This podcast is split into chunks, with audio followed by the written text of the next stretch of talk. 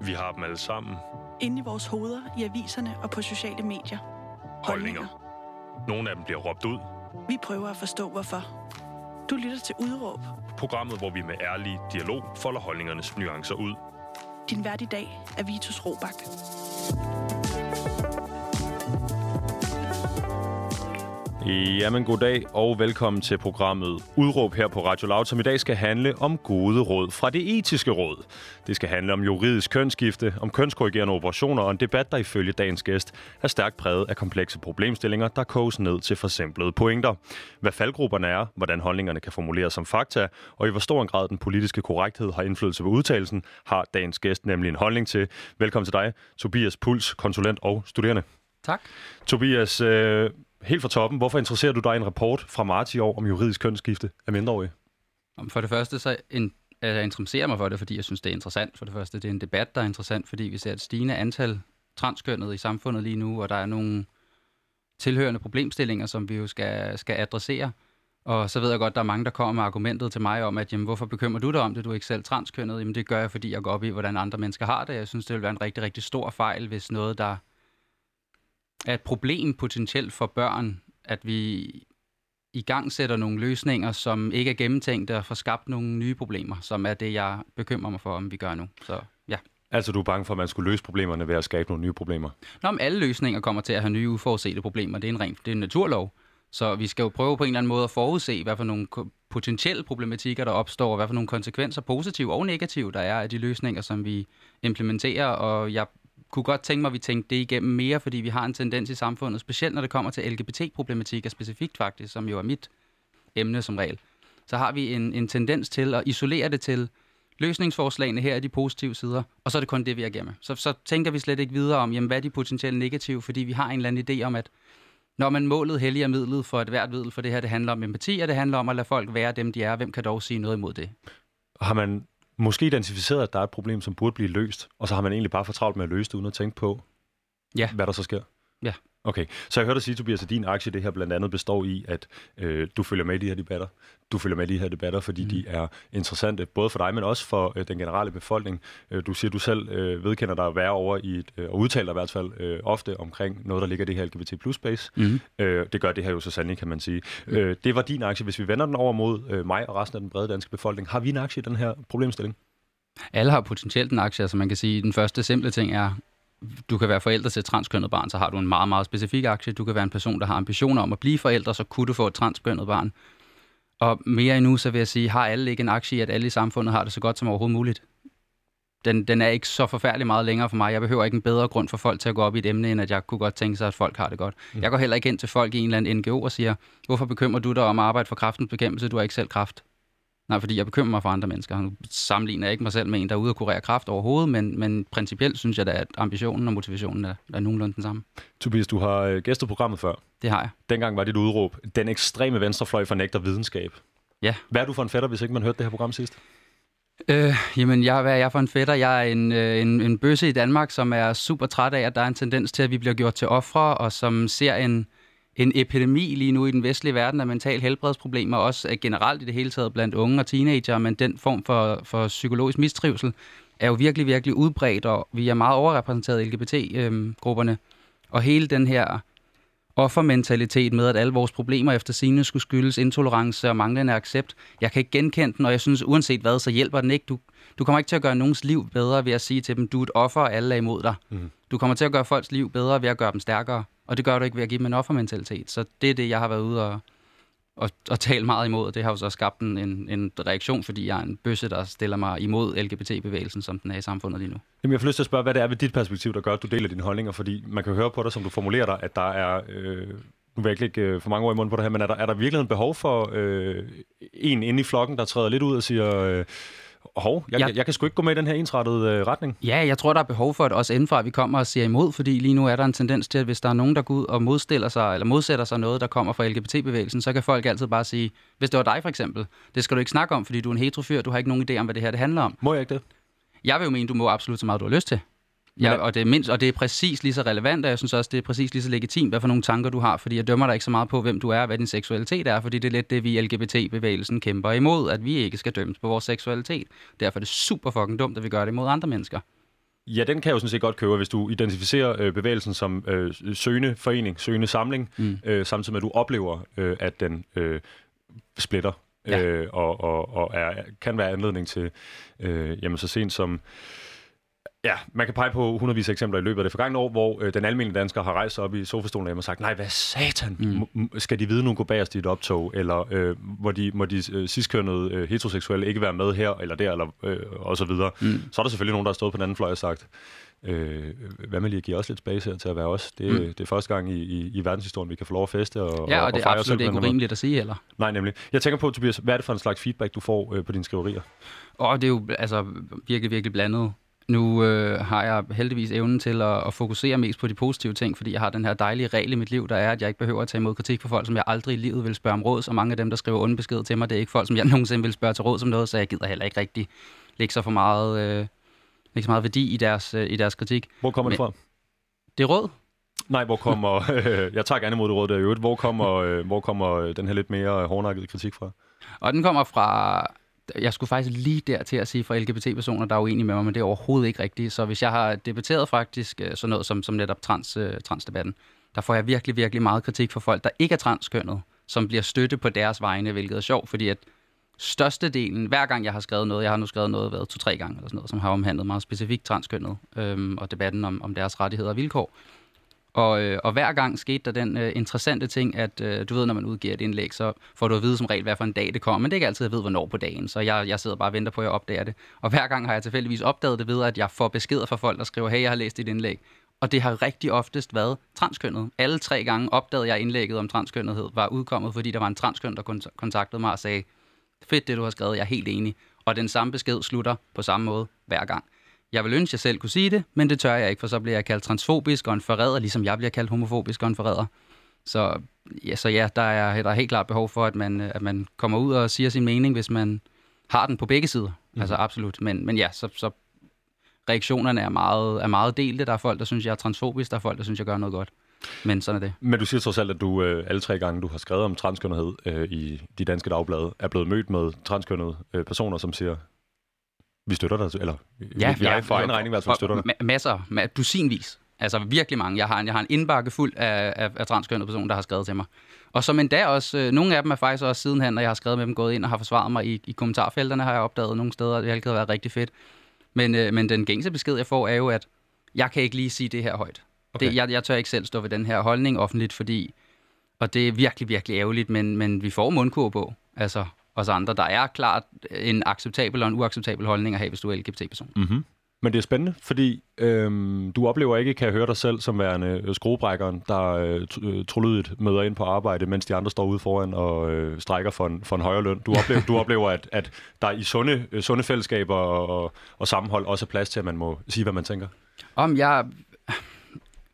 Jeg oplever det som, at, at optimalt det, vi godt kunne tænke os i samfundet, det er på en eller anden måde at have en diskurs, hvor alle har mulighed for at dele deres idéer, og så kan vi vurdere deres argumentation for, hvorfor de synes, deres idéer er gode, og så kan vi genkende, hvad for nogen, der er gode, hvad for nogen, der er dårlige, hvad for nogen, der er farlige lige frem, hvad for nogen, der er skadelige, og så kan vi afvise de dårlige.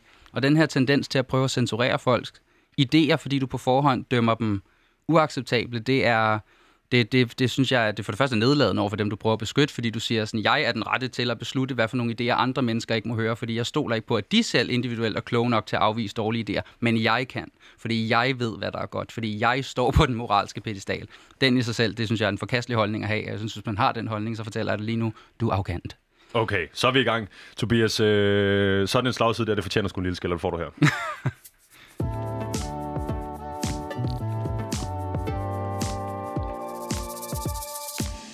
for Tobias, vi skal selvfølgelig øh, til dit udråb. Øh, det må vi ikke glemme. Øh, dit udråb, Tobias, i forhold til øh, det, vi skal snakke om i dag. Hvad er det? Er det etiske råd noget etisk råd? Er det etiske råd noget etisk råd? Du har formuleret det som et spørgsmål i dag, det, det har jeg givet dig lov til. Yes. Øh, det håber jeg jo så sandelig ikke, det er. Øh, jeg kunne da godt tænke, at man øh, pegede på institutioner som det etiske råd sagde, øh, for better or worse, de har sgu nok øh, fat i den lange ende, når de ja, bliver bedt om at vurdere ting. Øh, hvad får du til at komme med det udråb? Jamen, det gør deres, øh, deres udtalelse tidligere i år om, øh, om juridisk kønsskifte til mindreårige, hvor at de kommer med en rundt regnet en, en anbefaling om, at vi skal tillade juridisk kønsskifte til mindreårige ned til 10-12 år, mm. udtaler de. Og øhm, det overraskede mig meget, fordi at jeg følger meget med i debatten, og jeg har hørt mange argumenter for. Jeg vil faktisk specifikt øh, sige, jeg hørte et, et øh, jeg tror, da meget debatten startede, var det en, en far til en transkønnet pige, som blandt andet fortalte om, hvordan de havde nogle ret traumatiserende oplevelser i lufthavnen, fordi de nærmest var blevet tilbageholdt. Fordi at myndighederne derude troede, at de var i gang med at menneskesmule, fordi der i passet stod, at de stod med en lille dreng, men de stod jo med en lille pige. Så sådan nogle eksempler kan jeg godt se. Så jeg har hørt argumenter, der var fine for, at man skal have juridisk kønsskifte. Men der er også rigtig, rigtig, rigtig mange problematikker i det. Og, øh, og derfor undrer det mig, at det etiske råd skulle have kommet med en så, øh, så klar melding, som jeg synes var relativt kontroversiel. Så jeg gik ind og læste hele deres 18 sider lange øh, udtalelse igennem, og vil våge at påstå, at hvis man er et tilnærmelsesvist fornuftigt menneske, så kan man ikke undgå at læse den udtalelse i sin helhed, uden at tænke, hvordan hænger deres argumentation i udtalelsen sammen med deres endelige anbefaling? Mm-hmm. Jeg har også læst vil jeg sige. Øh, jeg sidder også, øh, efter at have læst den, med en... Øh, Ja, jeg har jo, Tobias, to semestre filosofi ude fra RUK, så jeg kan, jeg kan godt tænke mig om, ej, hvad hedder det, øh, øh, jeg sidder og læser den og mangler måske en, en, en samhørighed i, i, i, i, hvordan de her øh, argumentationer bliver bundet sammen osv., men det er det, vi skal snakke om i dag, mm. det her. Øh, 18 sider, siger du, øh, rapport fra det etiske råd, som jo øh, i den korte, øh, hvad skal man sige, excerpt, det hedder på dansk, et lille udsnit af udtalelsen, øh, skriver, at et stort flertal i det etiske råd anbefaler, at aldersgrænsen for ændring af juridisk køn sænkes til 10-12 års alderen. Mm-hmm. Øhm, Tobias, for en god ordens skyld, inden vi kommer videre i programmet, er det her en generel kritik af det etiske råd, eller drejer det sig specifikt om den her rapport? Og specifikt om den her rapport. Det er ikke en generel kritik af det etiske råd. Det ved jeg ikke nok om deres andre beslutninger til.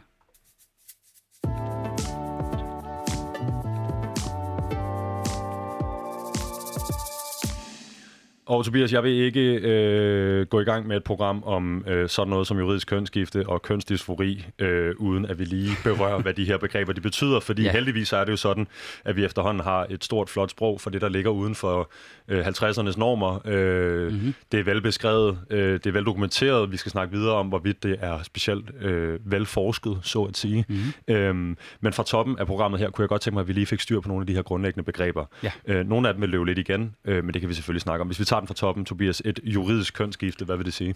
Det er, når man får skiftet sit CPR-nummer og sit juridiske køn. For, øh, så hvis du er en juridisk, en, hvis du er født, hvis jeg for eksempel fik juridisk kønsskifte, så vil jeg skifte CPR-nummer til et derinde på et ligetal, og og jeg er sikker på, at der er mange andre skridt i det. Jeg kender ikke hele processen, men, men det er, at du juridisk udelukkende. Det er ikke noget med din krop at gøre eller operation at gøre. Det er 100% på papiret, du skifter køn. Og det har siden 2014 stået mig frit til som et øh, voksen menneske over 18 år at skifte det her køn juridisk, ikke sandt? Jo. Okay. Øh, kønsdysfori, skråstreg, kønsubehag. Øh, det kan være, at vi kommer ind på de to begreber. Hvad vil det her sige? Mm. Øh, ja, så nu, nu er der delte mening om, hvad for nogle folk bruger, når de beskriver det her, og det skal jo siges, at jeg ikke er, er psykolog eller ekspert i det her område, men jeg kan sige, hvad en transkønnet ven fortalte mig den anden dag, at, øh, at vedkommende siger, at kønsdysfori er en psykisk diagnose, der består i ubehag i forhold til den biologiske krop, man er født med. Mm-hmm.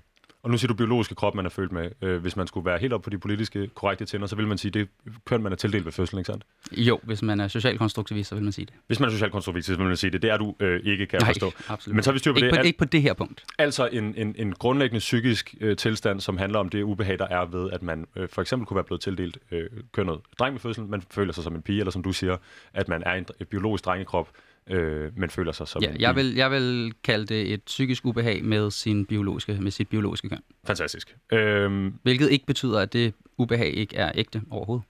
Nej, nej na- na- naturligvis. Og du skal selvfølgelig også skyde den her for at være øh, helt ordentlig. Transkønnethed er en ægte ting, og folk derude, som skriver og siger, at transkønnethed ikke er ægte, og transkønnet ikke findes, og det er det ene og det andet.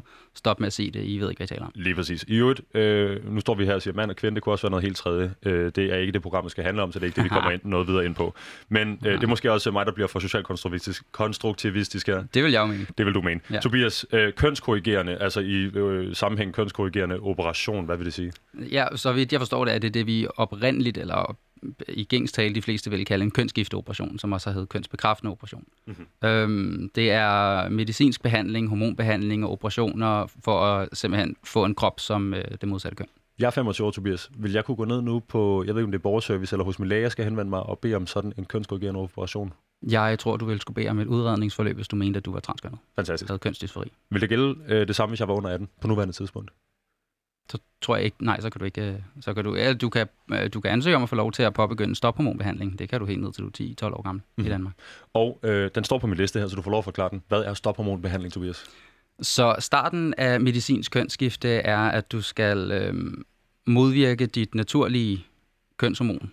Igen, nu, nu, nu fortæller jeg det, som jeg forstår det. Jeg er ikke læge, så der er mange, der kan fortælle det her langt bedre, end jeg kan, og jeg kan sagtens øh, stå her og sige noget, som, som er en fejl. Men, men efter, hvordan jeg forstår det, så er stophormonbehandling, det er den øh, behandling, man giver til folk. Hvis det for eksempel var mig, hvis jeg var 10 år gammel, så er det at stoppe min produktion af, af testosteron for at udsætte min, øh, min pubertet, potentielt. Okay essentielt. Så det kan være noget, der ligger i, i, i starten af et udredningsforløb. Øh, Hvis nu man øh, vil have øh, kønskorrigerende operation med tiden, så kan man altså hjælpe kroppen øh, med ikke rigtig at tage nogen øh, form i den forstand, altså øh, nogen øh, øh, testosteron- eller østrogenpræget form. Ja, altså, man, kan udsætte, man kan udsætte puberteten. Ja, lige præcis.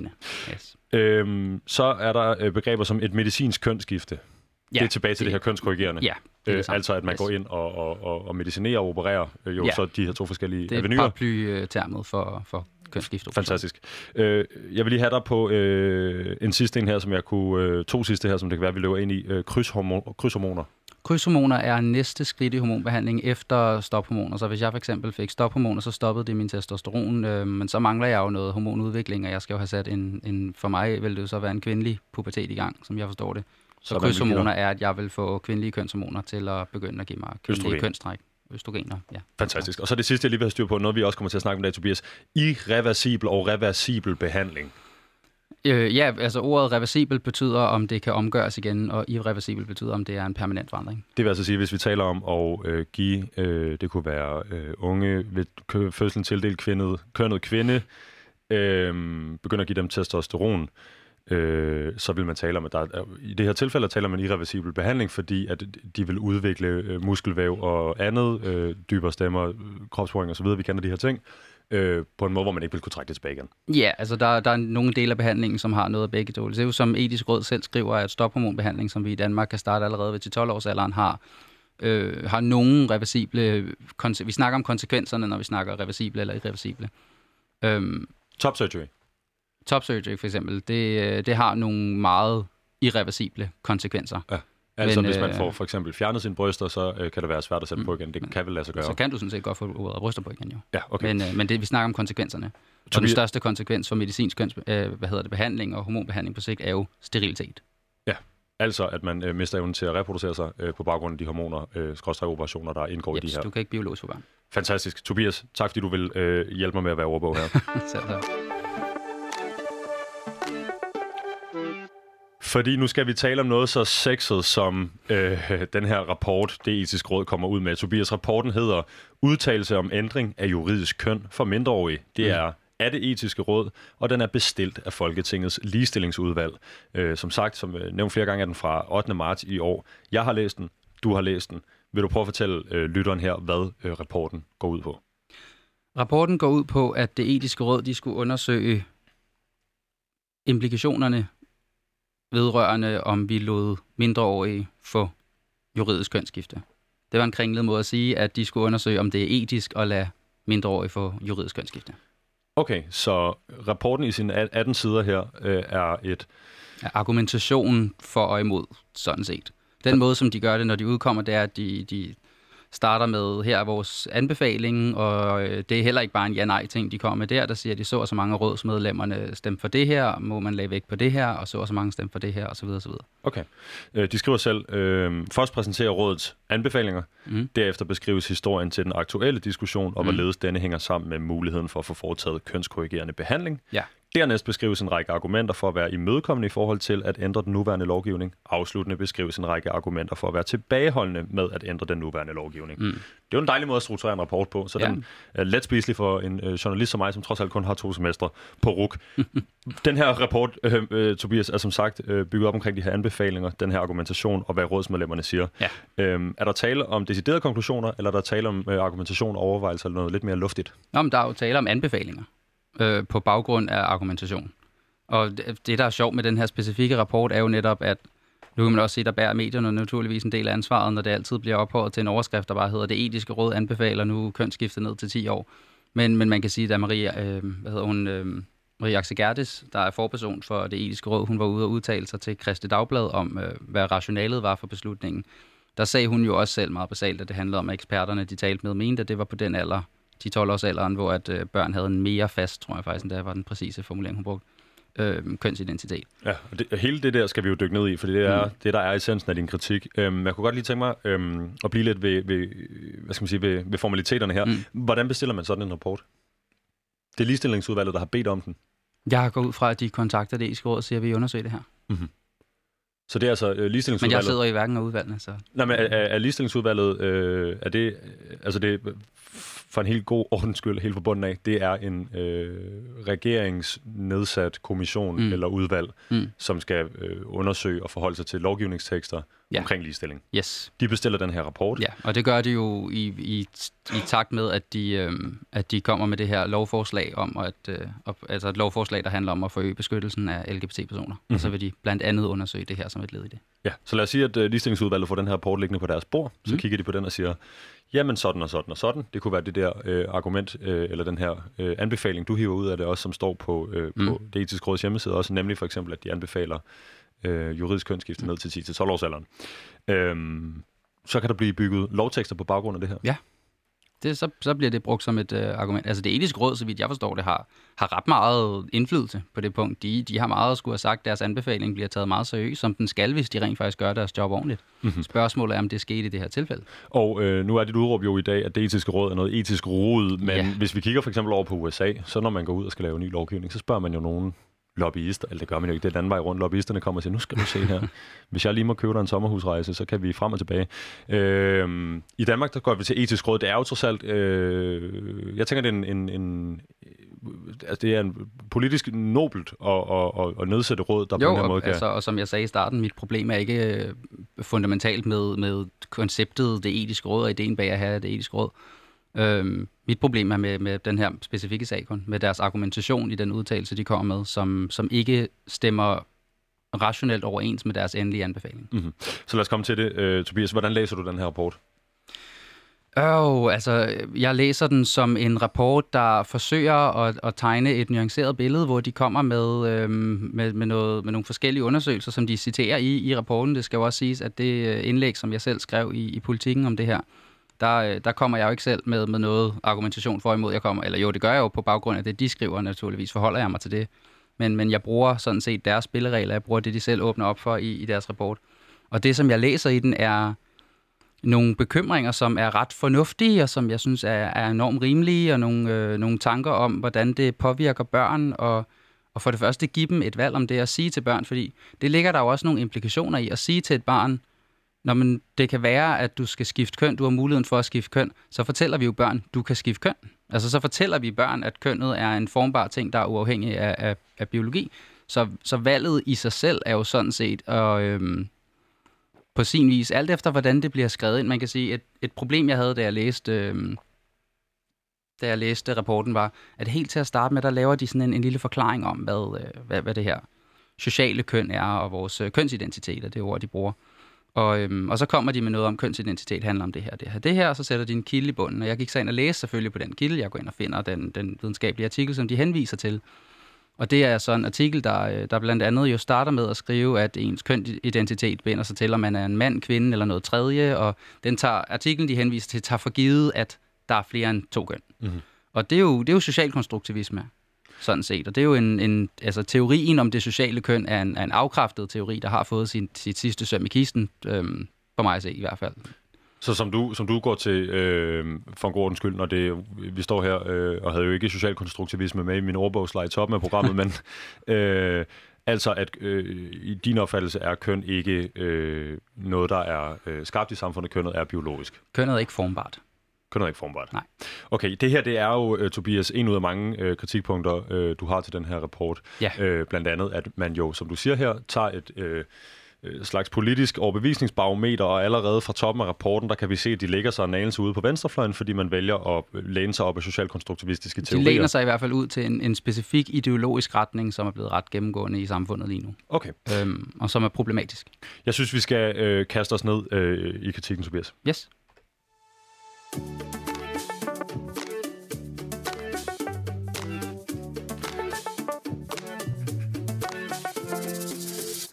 For Tobias, du bringer i sidste uge en kronik i Politiken, hvor du rejser spørgsmålet om, hvorvidt det etiske råd i den rapport træffer det bedste valg eller det mest politisk korrekte valg. Yep. Øh, vi har forstået lidt om, hvorfor du bliver i tvivl, øh, men lad mig høre dig. Hvad er det ved øh, rapporten, øh, der gør, at du tænker, at den skulle være politisk korrekt? Øhm, at de træffer en beslutning, som ikke stemmer overens med den argumentation, de selv fremstiller. Så for eksempel, når jeg læser den, så kigger jeg meget efter, hvor, hvor nuanceret og hvor upartisk er den her rapport, og det kan jeg jo se med, med noget af deres ordvalg. Så for eksempel en del af debatten går I på, som en debat, vi har i samfundet lige nu, er jo, er jo et, en debat om kønnets natur, og den debat, den kører stadig. Der er intet afgjort der, og der er en meget, meget stor LGBT-bevægelse blandt andet, som jo hårdnakket kæmper for, at kønnet er en social konstruktion, at du er en mand, fordi at vi i samfundet på en eller anden måde socialt har konstrueret, at du er en mand, men i virkeligheden kunne du lige så godt være en kvinde, fordi dit køn binder sig ikke på nogen måde til en biologisk markør, som kønsorganer og kromosomer og lignende. Og den debat, den, den, er i, altså, den lever i bedste velgående. Der er ikke noget, jeg mener jo, der er et meget, meget klart korrekt svar. Øh, men, men det anerkender jeg, at der er andre, der ikke gør. Men det, det betyder er nu engang, at debatten stadig kører. Så når jeg læser en rapport, der efter sigende skal være upartisk, som starter med at bruge ord netop som fødselstildelte køn, der vælger de side. Der er det, man siger fødselstildelte køn, så mener man, at jeg har fået tildelt kønnet mand. Det har jeg ikke. Jeg er, man har observeret, at jeg er en mand, for det er biologiske markører. Mm-hmm. Øhm, så allerede der, så er det udtryk for en, en, en ideologi, som blandt andet deles af det, som jeg jo kalder den ekstreme venstrefløj og LGBT-bevægelsen som helhed. Så jeg kigger jo efter det som det første. Og så læser jeg deres egen argumentation. De ude pensler den jo nærmest punktvis derned når man bare læser igennem. Og den argumentation er i meget, meget, meget, meget, meget begrænset omfang på nogen måde øh, for en grænse på 10 år. Mm. Og det er det, der undrer mig enormt meget. De argumenterer relativt meget for en grænse på 15 år. Faktisk læste jeg nogle af de argumenter i rapporten og tænkte, okay, men det kunne, det kunne være, at det gode, øhm, hvad hedder det, øhm, kompromis, er, at man ved en 15-års grænse kan få juridisk kønsskifte med forældrenes samtykke, indtil man er 18, og så kan man gøre det selv. Det kunne være et kompromis, man kunne snakke om. Men de springer direkte ned til den her 10-års grænse. Der er jo også nogen i, øh, i rapporten, der stemmer for en grænse på 6 år gammel, hvor de skriver, at hvis det er øh, hvad, hvad, hvad, hvordan er det, de skriver det? Hvis man er fuldstændig sikker på, at hvis der ikke er nogen, øh, hvad hedder det, øh, hvis der ikke er nogen tvivl, så det er ubetvivligt, tror jeg, de skriver, hvis, men det, hvis det er et barn med, der ubetvivligt er transkønnet. Hvor jeg også med det samme tænker, ubetvivligt for hvem? Og der er også noget med proportionerne i deres argumentation, fordi de fremsætter ligesom nogle, nogle potentielle konsekvenser, så det her kunne være de gode sider af det, og fordelene ved at lade, lade børn og mindreårige få det her juridisk kønsskifte. Og så fremlægger de og nu har du selv læst den, de fremlægger rigtig, rigtig mange potentielle problemer faktisk. Og det er nogle ret alvorlige problemer, de, øh, de fremsætter sådan set, som er, at, at man tvinger børn ud i en situation, der ikke er sund for dem. At man tvinger børn til, eller ikke tvinger måske forkert ord, men at man på en eller anden ærgerlig måde får børn til at træffe en beslutning, der har nogle store konsekvenser på et forkert grundlag. Øhm, og det bringer de selv op. Det er ikke mig, der siger det, det står i rapporten. Og det, der undrer mig, er, at de, de nævner jo 10 år i øh, to steder i rapporten nærmest. De nævner, at øh, for det første skriver de på den måde, at de lige pludselig kom jeg til en sætning, hvor der står en anden, en, en anden grund til grænsen på 10 år. Hvor jeg tænkte, hvor var den første grund? Så jeg var op og læste igen, og fandt aldrig den første grund. Så. Jeg sad med den samme overvejelse. I øvrigt, Tobias, øh, jeg sidder også med, da jeg går den igennem og tænker, mm. øh, det her øh, udsnit, øh, der jo, øh, som jeg øh, læste op tidligere, som øh, lyder nogenlunde sådan her, øh, et stort flertal i det etiske råd anbefaler, at aldersgrænsen for ændring af juridisk køn sænkes til 10-12 års alderen. Der læste jeg det først, og så gik jeg ind og læste rapporten bagefter, og så tænkte jeg, jeg kan ikke rigtig se, hvor jeg kan godt se der, hvor at øh, det etiske råd har udvalgt de medlemmer øh, og nævner ved navns nævnelse. Det er sådan set fint nok på den front. dem, der står inden for det her, men jeg mangler argumentationen. Så ja. jeg tænker, om argumentationen er blevet det bestyrelseslokale, og måske ikke er kommet på skrift, eller hvordan det hænger sammen. Men jeg kan simpelthen, jeg kan godt se, hvor du kommer fra. Jeg tror, problemet er, at deres argumentation, når de kommer med den, skal være mere eller mindre evidensbaseret. Det ved de godt. Når de skriver de ting, de gør, så skal de på en eller anden måde komme med en kilde i bunden, som de gør mange af stederne. Mm og der, hvor min pointe er, at der har snedet sig en del ind, som også er måden, jeg, jeg, jeg beskriver det på i, i indlægget, er, at der har snedet sig en vis andel politisk korrekthed ind. Og det ved, det her er bare 18 mennesker. Altså, de er ikke supermennesker, der aldrig nogensinde har hørt om det her problem før, aldrig nogensinde har haft en holdning til det her før. Og lige nu er der nogle meget store ideologiske strømninger, og LGBT-bevægelsen har været enormt dygtige til at skabe et narrativ om det her emne og få folk til at acceptere det, fordi de fleste ikke har sat sig ind i det, fordi at man kan tage noget, der er enormt komplekst, og nu kan jeg jo se i, i kommentarfelterne og alting, efter jeg har udgivet det, som begynder at gløde jo hver gang man skriver noget på den her side, at folk så kommer med deres argumenter om, at ah, men det er simpelt, og det kan man jo bare... Det er ikke simpelt. Det er absolut ikke simpelt på nogen måde. Det er faktisk enormt komplekst at ændre sit køn. Og hvis du synes, det er så simpelt, prøv at gøre det selv. Det er jo reversibelt. Mm-hmm. Gør det selv. Gå du op til borger.dk og, og søg om gør. Bare lige for at mærke, hvad det vil gøre ved dig faktisk at ændre dit køn. For mig ville det betyde noget, at mhm. der på papiret stod, at jeg var en kvinde, fordi jeg vil, for mig ville det bare have betydning. Og man kan heller ikke på den ene hånd sige, vi skal lade folk få juridisk kønsskifte, fordi det har så kæmpe stor betydning. Og så når man vender den om og vil have den den anden vej, så at sige, åh, lad dem da bare gøre det, det er jo en lille ting. Mm-hmm. Altså er det en stor eller en lille ting? Jeg tror på, at det er en stor ting. Det er så også derfor, jeg tager det enormt seriøst, fordi jeg tror, det gør en stor forskel for de her mennesker, men at det er en stor ting, betyder også bare, at vi skal tænke os rigtig godt om. Ja, nu får du nævnt tidligere det her med øh, situationen fra en lufthavn, hvor nogen bliver anklaget for øh, børnetrafficking, fordi at ja. de står med øh, mm. et pas øh, for, øh, med et køn på, og det køn kan for den her person, der tjekker pas, ikke stemme overens med det menneske, Nej, der det står ligner foran. ikke barnet på pasfotoet. Det, det gør det nemlig ikke. Øh, det er jo sådan en rimelig ekstrem sag, øh, hvor man kan blive ja. anklaget for en masse ting. Øh, jeg har oplevet masser af øh, transpersoner, hvad de har været i studiet eller øh, andet sted, sige, det der med at gå på borgerservice, eller på biblioteket, eller hvor fanden det nu ellers må være, øh, hvor end hos lægen, hvor man viser sit sundhed, sundheds- og øh, sygesikringskort, øh, det er også irriterende i de små momenter. Det er mm. ikke, fordi der er nogen, der står og siger, at jamen, at man skal anklages for børnetrafficking hver gang det her. Det er simpelthen også irritation ved, at samfundet og systemet ikke anerkender øh, det, det kønsskifte, mm. øh, eller den øh, identitet, man, man mener, man har. Mm. Ja, det er jo fuldt forståeligt.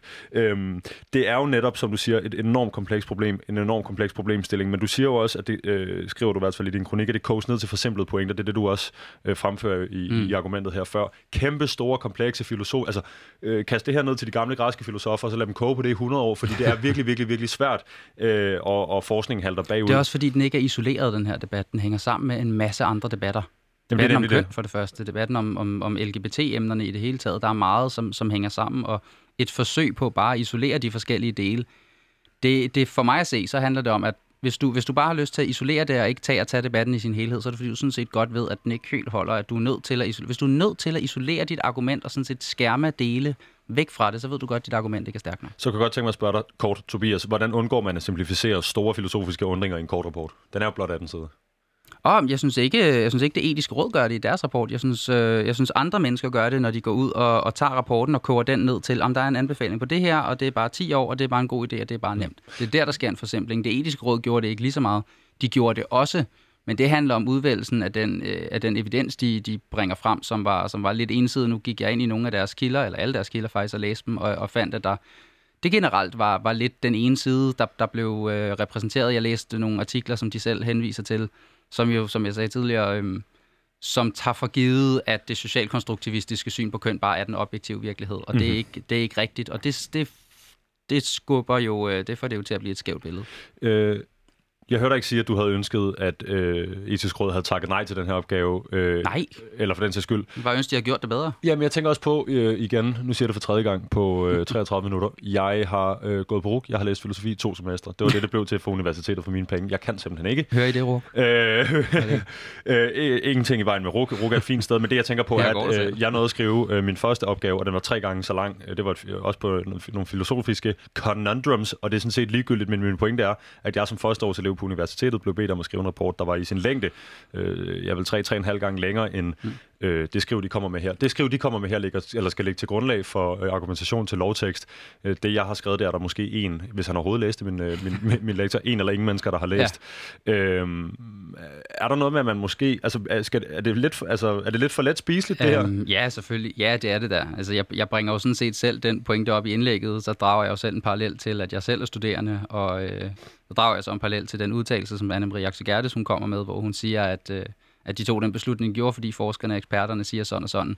Altså, det, det, det, den vil jeg dumt på til, til det speciale, jeg sidder og skriver lige nu, hvis jeg, hvis jeg på nogen måde øhm, argumenterede på samme måde. Lige netop, og det er det, men, jeg vil spørge dig om. Men længden, ja, den her udtalelse, kunne sagtens have været 30 sider lang. Den kunne også have været 40 sider lang, og jeg har stadig glædeligt læst den. Ja, præcis. Det er jo et fuldstændig fantastisk god læsning, fordi det er en masse... Ja, spændende. Virkelig, virkelig, virkelig spændende ja, læsning. De lyver ikke i deres rapport der. Nej, nej, de skriver rent faktisk noget god argumentation, og jeg vil også sige til alle, der lytter med, som interesserer sig for det her emne, gå ind og læs den. Den er let læselig, den er ikke skrevet på nogen mærkelig måde. Jeg kan altså ikke læse lange juridiske dokumenter og lovgivning og sådan noget, så klog jeg slet ikke.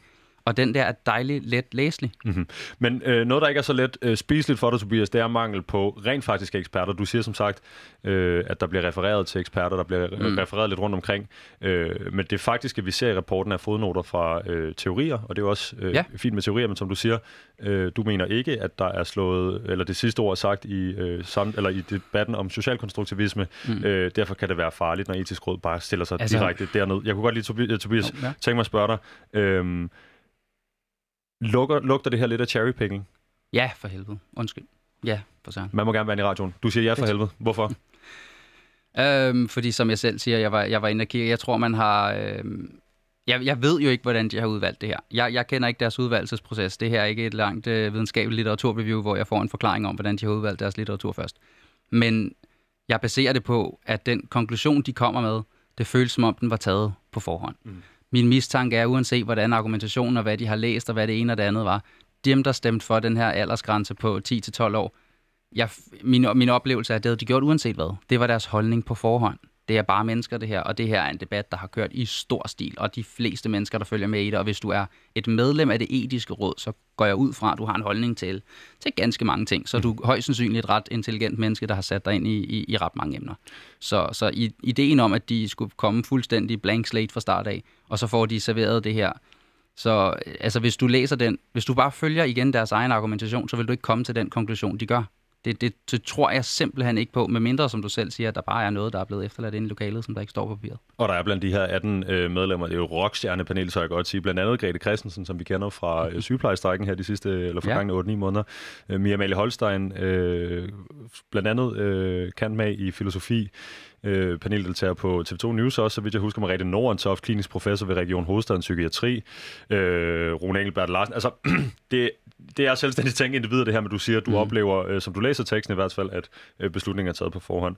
Øhm, en anden ting, øh, du kritiserer dem for, øh, ned i det her spor med manglende øh, forskning og viden øh, på det her område, det er, at du som sagt siger i toppen, nævner de selv. Øh, der mangler noget forskning, og så går der lidt, og så siger de på baggrund af forskningen. Ja, de øh. skriver det selv i starten af. At det, første, de, det er faktisk en af de første ting, de skriver i de afsnit, der er, at hele området kalder på mere forskningsbaseret viden. Mm-hmm. Og lige bagefter, så tager de deres beslutning og siger, at den er baseret på forskningsbaseret viden. Havde du ønsket, at man havde ventet? Til der var noget mere forskning på området? Øhm, jeg synes, det er helt fair, hvis det etiske råd de kommer med en konklusion, der sådan set hedder, vi har ikke svaret endnu. Mm-hmm. Men gør det så ikke den aldersgrænse på 10-12 år arbitrær? Øh, det er komplet arbitrær, synes jeg. Jeg synes, eller i hvert fald ikke godt nok gennemtænkt. Jeg tror, at det, jeg mangler, er, fordi de kommer med nogle, med nogle argumenter for og argumenter mod, men jeg, jeg kender jo heller ikke proportionerne i det. Jeg ved jo ikke, hvor stort et argument for er det her. For det, det kan godt være, at der er 40 argumenter imod noget, men et stort argument for, det, øh, jeg kan drage dig en meget, meget let parallel. Du kan sikkert finde, hvis du har en eller anden person, som du er forelsket i, og du gerne vil gifte dig med, så kan du sikkert finde 100 grunde til, at du ikke har lyst til at gifte dig med den her person, fordi det ikke vil passe. Men hvis den ene alt overstykkende grund er, at du er dybt forelsket i dem, så er den grund jo nok. Så det handler ikke om antallet af argumenter sådan set. Det handler om styrken af argumentet. Det vil også det... være en fuldstændig logisk fejlslutning, fordi argumenter har jo kvalitet, kan vi sige. Argumenter har absolut kvalitet, og jeg mangler den. Jeg mangler, som jeg skriver til sidst, jeg mangler bare en eller anden form for forklaring på, okay, her er argumenterne, her er argumenterne for. Og derfor valgte vi sådan her, fordi vi mener, at hvis de bare havde skrevet en, slet, en, en sætning i bunden nærmest der, vi vurderede, altså os, der stemte for, at argumenterne for opvejer argumenterne imod. Mm-hmm. Men det får jeg ikke. Det vil jeg sige, jeg efterlyser det også en lille smule. Øh, Tobias, øh, en anden ting, den her rapport gør, i hvert fald for mig, og jeg har som sagt kun en gennemlæsning på den, øh, det er, at det er, øh, man skal holde tungen lige i munden, når man forholder sig til, hvad der er juridisk kønsskifte, og hvad der er medicinsk eller øh, øh, kønskorrigerende øh, behandling. behandling. Ja. Øh, fordi på et tidspunkt i artiklen, eller undskyld, i rapporten, der bringer de også øh, en pointe, som du har øh, ja. viderebragt i din kronik, som går på, hvor høj en andel af ansøgerne hos seksologisk klinik, der frafalder øh, efter deres udredning. Mm. Kan du lige prøve at forklare mig, øh, nu er vi altså, nu er vi gået væk fra det her juridiske kønsskifte, det er det, der er øh, det er, også, til, det er også en problematik med hensyn til juridisk. Det er også en problematik ja. i forhold til øh, det juridiske kønsskifte. Men øh, der, hvor... Øh, Jamen, jeg tænker, øh, den dansker, der sidder derude og, og, mm. og, og skriver Og det er faktisk en af de vigtigste dele af den her Jamen, det er nemlig det, og det er derfor, vi lige skal nå ind på det, mm. Øh, inden vi skal videre i teksten. Men det er, at der er et frafald, en frafaldsprocent på mellem 40 og 80 procent. Yes. Den her frafaldsprocent på mellem 40 og 80 procent, det er for øh, mindreårige øh, ind i unge mennesker, unge voksne mennesker, som har opsøgt seksologisk klinik, og så bliver man tilbudt en udredning, og efter udredning falder de fra. Er det rigtigt forstået? Det er, ja, altså er mindreårige, som kommer der op, som er formodet transkønnet. Mm-hmm så efter et udrednings- og observationsforløb, eller i løbet af det, frafalder mellem 40 og 80 procent ønsket om behandling. Mm-hmm. Og hvorfor hedder det 40 til 80 procent? Jeg, jeg føler, jeg lige så godt kunne sige 1 til 100. Det, I sådan nogle her rapporter, så er det højst sandsynligt, for den, den, fordi den undersøgelse, de henviser til, det er ikke den, der har lavet et tal, så er det fordi, den, den bruger forskellige estimater fra forskellige undersøgelser, og hvis den, den undersøgelse, der havde det laveste estimat, var 40 procent, og den højeste er 80, så skriver de 40 til 80. Okay, nu er jeg journalist, så nu siger jeg 80 procent af de formodede transkundede børn, der indgår i et observations- og udredningsforløb, frafalder og ønsker om behandling. Det kan også være 40, naturligvis. Det kan også være jeg 40. er dog ikke Jeg går med idiot. 40. Jamen, så lad os gå med øh, 60 og smækken lige midten. Fint. Øh, Tobias, øh, det føler jeg er et relativt øh, højt tal, hvis mm. man Mhm. ser det i lyset af, at anbefalingen måske kunne have en, en, en, en, en ordlyd, som peger i retning af, at man skal gøre mere for at hjælpe unge mennesker, der vil have kønskorrigerende behandling, igennem behandling hurtigst muligt. Hvis ja. altså frafaldsprocenten kan være på, nu har vi lavet det her arbejdstal, der hedder lige midten, 60 procent. Yes. Er, det er ikke et arbitrært tal. Det er ikke et arbejdstal, nej, undskyld, det er mig, der laver en, en, en, en, en, en vinkling her på det, men altså mellem 80, 40 og 80 procent. Er du bange for noget her? Okay, så det første med det er, at, at man skal også kigge på, hvorfor og hvornår folk frafalder. De fleste de frafalder i puberteten, og man påbegynder for eksempel sådan noget som stophormonbehandling før puberteten. Og ideen er, at man skal kunne få øhm, juridisk kønsskifte før puberteten. Så man vil gerne i gang sætte nogle tiltag, hvor at man tager nogle beslutninger, der sker før det naturlige punkt, hvor folk som regel skifter mening om den her beslutning. Mm-hmm. Hvilket kunne være et, og som igen er den argumentation, de kommer med i deres egen rapport, som jo er et argument for, at man for eksempel skulle vente til 15 år, fordi så er de så langt i puberteten, at alle dem, som skiftede mening, statistisk set har gjort det. Mm. Og så er der så få som muligt, man tager fejl ved.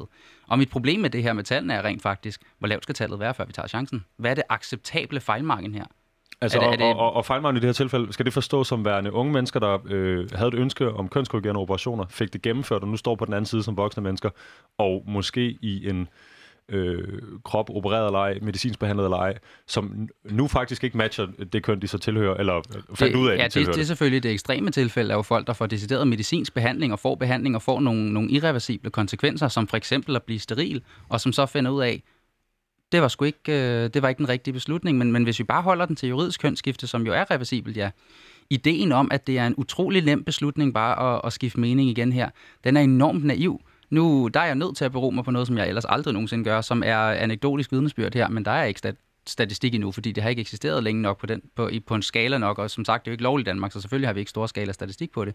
Men de anekdotiske vidensbyrd, der kommer rundt omkring fra, fra Danmark, men også fra UK og fra USA, er, at folk som, at vi har en tendens til at sige, hvis der kommer et barn, som er en, en biologisk dreng for eksempel, og siger, jeg er transkønnet, så støtter vi dem i det. Så er det en god ting, fordi så er han ærlig og tro mod sig selv og det ene og det andet. Når den dreng så kommer igen tre år efter, når han er 13 år gammel, og siger, og for det første, det er altså hårdt. Så placerer vi en dreng i den situation, som nu har fået skiftet køn og er tra- en transkønnet pige. Og kan du forestille dig, hvad for en proces der har været, at de har fået skiftet kønnet juridisk? En hel familie har skulle tage sig af det her folkeskoleklasse. folkeskoleklasse, har været alle mulige ting, og hvis vedkommende så rent faktisk tænker, ej, det, det, jeg kan mærke inde i mig selv, det er ikke, for det meste så manifester, manifesterer det sig jo faktisk i, jeg er slet ikke transkønnet, jeg er bare bøsse, sådan set. Mm. Det, det sker ret typisk. Det er et argument, de selv fremfører i rapporten, at det kunne være øh, skjult eller misforstået homoseksualitet, Ja, misbrug, Det er det eller typisk. Fanden er den sidste, noget med noget samfundspres, tror jeg. Ja. Øh, Men, men, men ideen er den anden vej, og noget andet, der altså også sker, er, at der er en enorm mistænkeliggørelse af de her familier. Når det er barnet kommer og vil skifte mening, så er der altså mange mennesker, der peger på de her forældre og siger, det er jeres skyld. Mhm. Mm-hmm. Det er jer, der har, har I presset jeres barn til det, og nej, du er en pige, du bukker bare under for, for samfundets pres. Vi er rigtig, rigtig gode til at, at, at støtte folk den ene vej, fordi vi har den her tendens til, og i USA kalder de det jo sådan set, um, gender affirming therapy. Og vi skal være en gender affirming culture, siger de. Vi skal bekræfte folk i deres køn, men kun den ene vej. yes, det Kun ligger hvis også, det køn ikke er deres biologiske. det ligger også i ordet kønskorrigerende, altså man, man med kønskorrigerende operationer Mm. retter ind, så det passer til... Om det er jo også derfor, man har øh, fjernet ordet kønsskifteoperation. Du skifter ikke køn, men fordi du bliver ikke et andet køn. Du har hele tiden været det. Præcis. Det er. Tobias, øh, det var din øh, øh, kritik øh, af, af, af rapporten. Vi skal videre til nogle af de her filosofiske undringer, der bliver rejst i rapporten. Ja.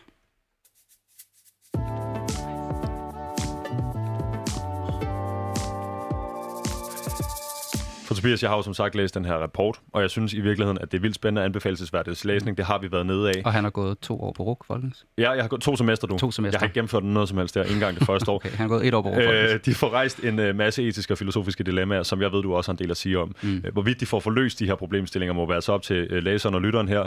Øh, dog tænker jeg, at 18 sider, jo, som vi snakker om tidligere, er lidt for lidt til at give nogle former for en fyldskørende svar på de spørgsmål, de mm. rejser. Men en af de helt Jeg centrale... gad godt vide, om det var en begrænsning, der er sat for dem, eller hvad, hvorfor den gør så kort, faktisk. Den skal jo kunne tykkes af danske politikere, som både er lavt ud... Nej, nu skal jeg passe på, hvad jeg siger. Den skal kunne tykkes af nogle øh, øh, politiske øh, mennesker. Øh, ja, Hvis, hvis dem i ligestillingsudvalget, de ikke vil læse den her rapport, hvis der er 30 sider lang, skal vi udskifte udvalg. Det var nemlig det, jeg tænkte. Øh, men det, det er jo øh, det er spekulation, det ved vi ikke noget om. Men en af de helt centrale etiske overvejelser, der bliver rejst i rapporten, Tobias, er spørgsmålet om selvbestemmelse for børn og unge, og Ja. deres evne til selvreflektion. Mm-hmm. Her har de valgt at bruge øh, et uddrag fra Claudia Wiesmann. Weismann hedder hun, som er tysk øh, medicinsk og etisk historiker.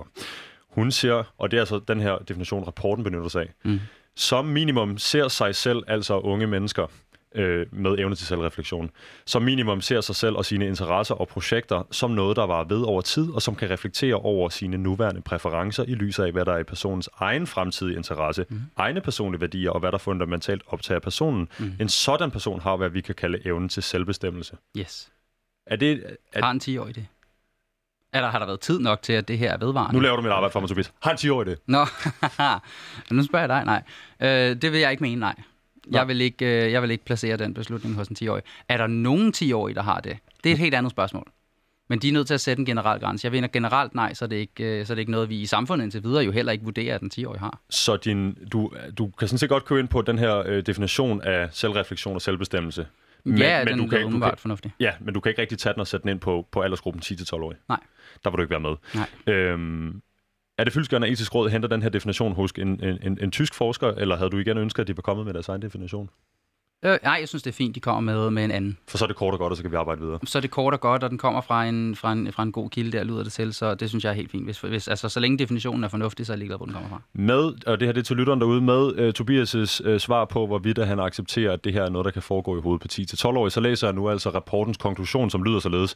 Man bør således overveje balancen mellem på den ene side den skade, som mindreårige med kønsdysfori kan lide ved ikke fuldt ud at forstå konsekvenserne af at ændre sit juridiske køn for sit fremtidige selv, og den skade, som den mindreårige her og nu vil lide ved ikke at blive tilstrækkeligt respekteret som en selvstændig moralsk person. Altså Tobias, man må overveje yes. Balancen mellem skaden over ikke at blive anerkendt, og hvad der følger med mangel på juridisk og social anerkendelse, og skaden ved ikke til fulde at forstå konsekvenserne af ens egne mm. handlinger. Hvis vi vender tilbage til sam, øh, hvad hedder det, anbefalingen om juridisk kønsskifte i 10-årsalderen, hænger de her to pointer så sammen? Med, med deres endelige anbefaling. Med deres endelige anbefalinger. Ja, øh, jamen det, kommer an på, hvordan de har vurderet den øh, ting, de skulle vurdere op mod hinanden der. Det ved jeg jo ikke. De skriver bare, at man er nødt til at vurdere det her, men de skriver ikke nogen steder, hvad deres vurdering er. Der. Man bør således overveje balancen mellem mm. og så de her to. Så overvej det etisk råd. Men, men jeg, jeg har altid fået at vide i min opvækst, øh, jeg var hurtig til at kaste den første snebold og øh, tage et styr på min BMX og så videre.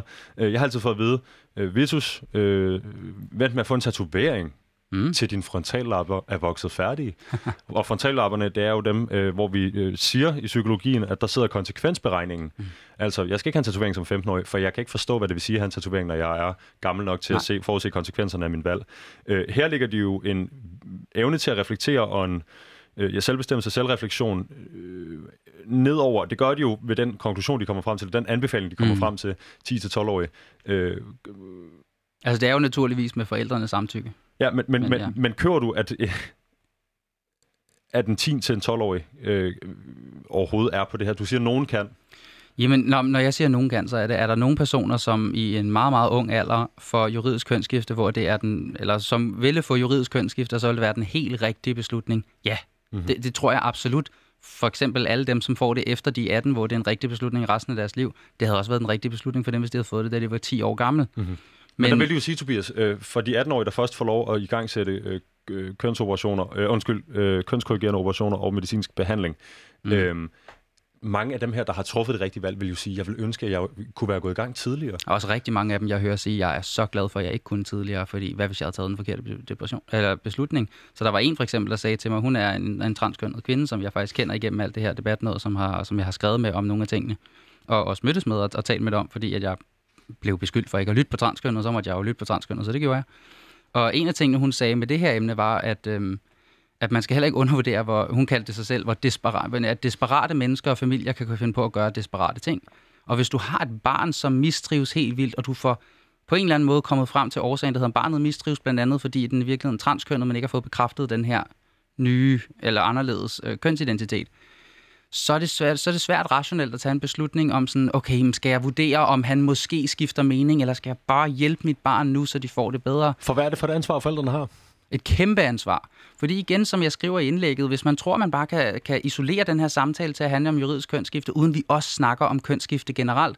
Jeg vil våge at påstå, jeg, nu kommer der et postulat, som jeg ikke har dokumentation bag, som er min egen overvejelse, så hvis du synes, jeg er komplet idiot, så luk ørerne nu. Hvis det er, at flere mennesker får juridisk kønsskifte, så vil jeg våge at påstå, at vi også ser antallet af folk, der får medicinsk kønsskifte, stige som resultat. Jeg tror, at det bliver nemmere at tage den beslutning, hvis man allerede er så og så langt i processen. Og det er på godt og ondt igen, som det juridiske eller etiske råd selv skriver. Øhm, så, så naturligvis er der, nogle, er der nogle kæmpe problematikker der, som man skal tage med. Og en af de langsigtede konsekvenser, hvis man fortsætter, hvis vi bare kalder det kønsskifte, og man kan så sige, nu, nu er vi så på vej i en tid med juridisk kønsskifte, hvor juridisk kønsskifte jo så bliver på en eller anden måde første led i samlet kønsskifte et det, eller andet det er sted. at stoppe hormonbehandling. For eksempel. Ja. Og man skal jo også huske, det er ikke mig, der laver det her link. Det gør det etiske råd. Den første ting, de skriver, som de skriver deres andet argument, men er deres første argument kun, ja, faktisk deres eneste måske, er, at man sætter en grænse ved 10-12 år. Og det er den her, der rammer mig meget, fordi det også er der, man eventuelt vil begynde en stophormonbehandling. Og i min tænker sådan, ah, så det hænger sammen, så det er derfor, så der har været andre. For der er ikke noget dokumentation på det. De laver ikke noget, der, der kommer ikke noget. Mm. Og der tænker jeg, hvad er det for en konklusion, der har været på forhånd, når man allerede binder det sammen? Så det er måske et led i at sige, lad os nu gøre det nemmere for folk at få kønsskifte i det hele taget. Hvis du siger til mig nu i det her, at, øh, ikke dig, men, men folk i det hele taget, at det her handler bare udelukkende om juridisk kønsskifte, glem nu medicinsk. Nej, nej, så er du naiv, og det er ikke det, der står. De binder dem sammen. Og en af konsekvenserne ved det her kønsskifte er sterilitet. Hvis du spurgte mig, da jeg var 18, og jeg havde det... Lad os sige, jeg havde det dårligt. Lad os sige, jeg var en person med selvmordstanker, som, som ofte er det, man siger, vi skal hjælpe transkønnet, fordi der er så meget psykologisk mistrivsel, hvilket er absolut rigtigt, og det er en tragedie, og det skal vi adressere. Der burde være langt mere opmærksomhed på det her, end der er. End der, og det siger jeg som en, der aldrig plapper om andet for tiden jo. Øhm, jamen, så, så er man jo i en position, hvor man står der og har det så dårligt. Hvis jeg var 18 år gammel, og du sagde, jeg kan hjælpe dig med, at du får det bedre, men til gengæld vil du ikke kunne få børn. Vil ikke have børn alligevel. Da jeg var 18, det var da først nogle reelle tanker, der kom, der nåede et stykke ind i 20'erne. Altså, jeg, jeg tror ikke på den her idé om, at man kan overskue de langsigtede konsekvenser. Og jeg synes også, det er en lille smule synd for forældrene. Fordi, ej, hvor er vi dårlige til at anerkende den position, transkønnets forældre står i lige nu. Det synes jeg virkelig, vi er dårlige til. Mm-hmm. Jeg synes, der er sådan en tendens til nærmest at gøre det op til, at det bare er en nem beslutning, og hvis du er forældre til et transkønnet barn, jamen, så er du nærmest et dårligt menneske, hvis du ikke bare støtter dem i fuldstændig i, at de skal have alt det her skift, fordi så er du en, der...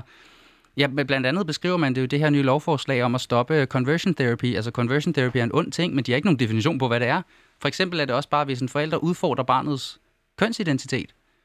Jamen, jeg vil da sige, at det vil være logisk, hvis jeg vil gøre det. Det kan du få for mig selv nu. Hvis jeg får et barn, og det er en lille dreng, biologisk, mm-hmm. der kommer og siger til mig, jeg synes, jeg er en pige, og vedkommende er 6 år gammel, så vil jeg starte med at sige, jamen, du er en dreng, hvorfor føler du, du er en pige? Jeg vil bruge det som en mulighed for, for at undervise og lære og finde ud af, hvad det er, der foregår. Og så kan vi snakke om det. Hvis jeg så har et transkønnet barn, så må jeg tage den øh, udfordring seriøst, så vil jeg gøre, hvad jeg kan for at hjælpe mit barn. Men jeg vil godt nok stå i en position, hvor jeg tænker, hvordan sikrer jeg mig lige nu, at jeg tager den rigtige beslutning, at jeg hjælper mit barn med konsekvensen om sterilitet, som ikke er noget, jeg vil ønske for nogen. Jeg har venner, som ikke kan få børn, fordi det har vist sig, at den ene er steril. Det er hårdt. Det er rigtig, rigtig hårdt. Og hvad gør mit barn den dag, når, når vedkommende er, er 25 og måske siger, jeg ville sgu gerne have haft den her mulighed alligevel, eller måske have tænkt lidt mere over det, eller et eller andet. Jeg var et barn, hvordan kunne du tage den her beslutning for mig? Jeg havde da sagt hvad som helst for at slutte det. Altså, børn er jo ikke de mest rationelle mennesker i verden, vel? Øh, nej. Og det er forældre med et lidende barn heller ikke synes jeg også, vi skal huske. Så jeg synes meget af det her, det handler om bare at anerkende det, fordi som sagt, som jeg skriver, og så har sagt tusind gange nu, jeg siger ikke, at jeg ved, hvad den rigtige vej er. Jeg siger bare, når der kommer nogen og fortæller mig, at sådan her bør vi gøre det, så skal deres argumentation være langt bedre og det skal stemme langt mere overens, så der skal være en langt bedre rød tråd, end det, der kom i det etiske råds udtalelse der. Tobias, jeg hørte dig sige øh, en masse forskellige ting, øh, blandt andet det her med forældrene. Så altså, kunne det være, at ja. hvis man går ned ad den her sti, så skal det komme med øh, øh, tilbud til forældreninger, øh, samtaler og terapi, og hvad der nu ellers måtte ligge ned ad den sti, for at klæde forældrene bedre på til at, mm-hmm. til at stå distancen. Ja, og det tror, jeg også, altså, det tror jeg også, man kan få tilbudt sagtens, men det skal jo lige siges, at alt det her, det kommer jo med, at der er mange, som skriver til mig også nu, at Ah, men altså, Tobias, lad nu være, lad dem nu bare gøre det. Der er et udredningsforløb, og du skal da også bare... Der var en, der skrev til, faktisk har skrevet til mig, at og børn skal have lov til begge former, altså alle former for kønsskifte. Det har jeg hørt flere gange, det her argument. Mm. Fordi der er jo et udredningsforløb. Men samtidig har vi altså en forening, der hedder LGBT plus Danmark, som kæmper for at afskaffe det udredningsforløb. Så jeg, jeg er nødt til at tænke, det er den større. Jeg er nødt til at tænke, okay, men jeg kan ikke sige, okay, jeg går med på det her på bekostning af, at der er et udredningsforløb. Når jeg ved, der står nogle andre på den anden side, og vil fjerne det udredningsforløb. Det er den ene mekanisme, som kan sørge for, at vi, at vi ikke fejler herover. Og igen vil jeg jo bare spørge alle, der lytter med, hvad, hvad er dit fejlmavn her? Hvor mange, hvor mange gange er du villig til at tage fejl ud af 100, før det, at, at det er okay? Tobias, det er øh, et fantastisk spørgsmål og øh, slutte dagens program af på. Der er meget mere, skulle være sagt på det her, øh, på det her emne, på den her debat. Øh, man kan jo følge dig, Tobias Puls, P-U-L-T-Z, øh, yes. i dagbladene rundt omkring. Tobias, tusind tak, fordi du var min gæst i dag. Selv tak.